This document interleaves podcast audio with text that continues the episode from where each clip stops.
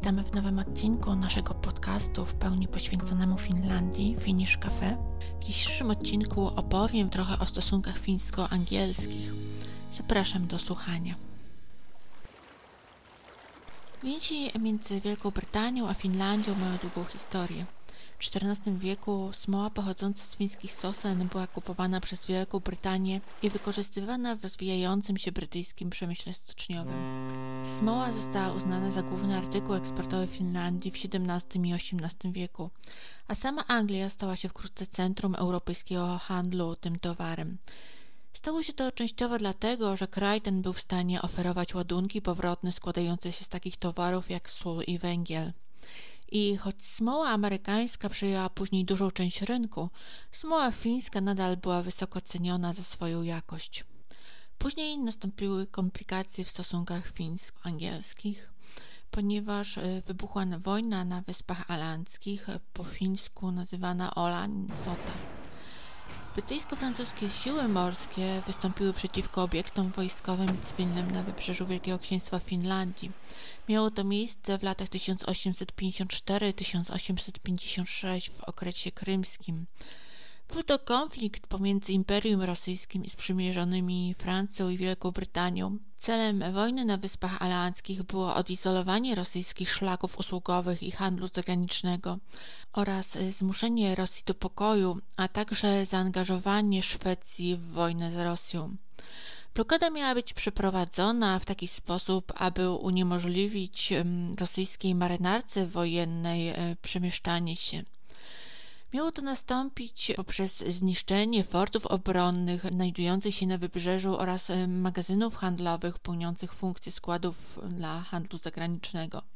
W tym czasie wyrządzono wiele szkód w Finlandii, ponieważ duża część floty handlowej pływającej pod rosyjską banderą znajdowała się na terenie tego kraju. Nie można zapomnieć o tym, że od 1809 roku Finlandia była autonomicznym wielkim księstwem pod koroną rosyjską. Wojna miała również wielki wpływ na późniejszą demilitaryzację Wysp Alandzkich. W wyniku zakończenia wojny y, krymskiej równocześnie y, wojny na Wyspach Alandzkich została zniszczona przez Brytyjczyków twierdza Bomarsund. W paryskim traktacie pokojowym w 1856 roku Brytyjczycy zażądali, aby Rosja zdemilitaryzowała Wyspy Alandzkie. W zamian za potwierdzenie, że obszar ten e, należy do Finlandii, Finlandia miała przyznać mieszkańcom Wysp Alandzkich rozległe prawa samorządowe i kulturalne. Rok później od tego wydarzenia utworzono przedstawicielstwo dyplomatyczne Finlandii w Wielkiej Brytanii. Było to w czasie, kiedy Alaric Ornhelm został przedstawicielem handlowym Finlandii w Londynie. Ornhelm pracował w rosyjskim Ministerstwie Spraw Zagranicznych, był także pierwszym fińskim przedstawicielem dyplomatycznym na świecie. Jednym z jego pierwszych zadań było raportowanie o brytyjskim rynku masła bezpośrednio do Finlandii. Stosunki dyplomatyczne między Finlandią i Wielką Brytanią zostały nawiązane 28 marca 1918 roku. Wielka Brytania uznała Finlandię za niepodległe państwo 6 maja 1919 roku. W tym samym czasie utworzono w Londynie ambasadę fińską z Ossianem Donerem na czele. W latach 30. stosunki między Anglią a Finlandią układały się dobrze, a handel między tymi dwoma krajami był znaczący. Wielka Brytania była najważniejszym partnerem handlowym Finlandii do II wojny światowej. Ten rozwój był kontynuowany podczas wojny zimowej, kiedy Anglia broniła małej północnej demokracji przed atakiem Związku Radzieckiego. W początkowej fazie II wojny światowej Wielka Brytania i Francja przedstawiły szereg propozycji wysłania wojsk na pomoc Finlandii podczas wojny zimowej. Wojna ta rozpoczęła się 30 listopada 1939 roku. Plany mm, pomocy Finlandii obejmowały m.in. tranzyt Brytyjczyków i Francuzów, a także wojsk i sprzętu przez neutralną Norwegię i Szwecję. Początkowe plany zostały jednak porzucone, ponieważ Norwegia i Szwecja odmówiły przejścia przez ich ziemię z obawy, że ich kraje zostaną wciągnięte w wojnę. Po tym jak Finlandia zawarła pokój ze Związkiem Radzieckim, straciła swoją przydatność dla brytyjskiej strategii wojennej. Wielka Brytania mm, przerwała handel z Finlandią, co zmusiło Helsinki do przeorientowania swojej polityki gospodarczej na korzyść Niemiec. W tej sytuacji Niemcy stały się jedyną potęgą zdolną zapewnić Finlandii bezpieczeństwo. Jednocześnie zbliżenie Finlandii do Niemiec doprowadziło m.in. do tego, że 1 sierpnia 1941 roku Wielka Brytania zerwała stosunki dyplomatyczne z tym krajem. I e, ostatecznie e, oba, oba kraje znalazły się w stanie wojny. Po przyłączeniu Finlandii do Niemiec, Anglia i Finlandia znalazły się w przeciwstawnych obozach. Brytyjski atak lotniczy, który nastąpił 30 e, lipca 1941 roku na porty Kirkenes i Petsamo, nie poprawił tej sytuacji. Stosunek fińskich gazet do Anglii był w tym czasie bardzo podzielony. Radykalne prawicowe gazety były nawet zadowolone z faktu, że w lipcu fiński rząd podjął inicjatywę zakończenia stosunków dyplomatycznych. Tymczasem Finowie wraz z Niemcami wzięli udział w oblężeniu Leningradu. Choć bezpośredniego ataku na samo miasto ku e, niezadowoleniu Niemców e, Finowie nie planowali. Niemniej zdarzenie to również e, odsunęło możliwość porozumienia z krajami, które były po drugiej stronie. Później mieliśmy takie wydarzenia jak pokój z Finlandią, omówiono na szczycie trzech głównych mocarstw w Teheranie.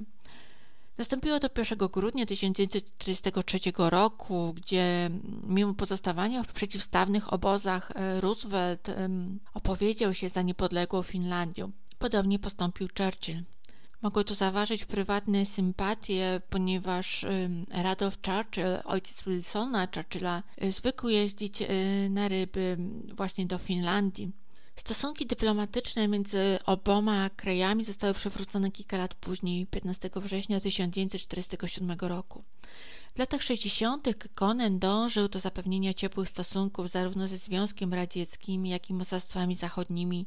Wielka Brytania była głównym eksporterem fińskiego przemysłu drzewno-papierniczego. Wiele angielskich znaków towarowych zostało zarejestrowanych w Finlandii, głównie w przemyśle spożywczym. Dziś e, handel między Finlandią a Wielką Brytanią jest jednym z fundamentów stosunków dwustronnych.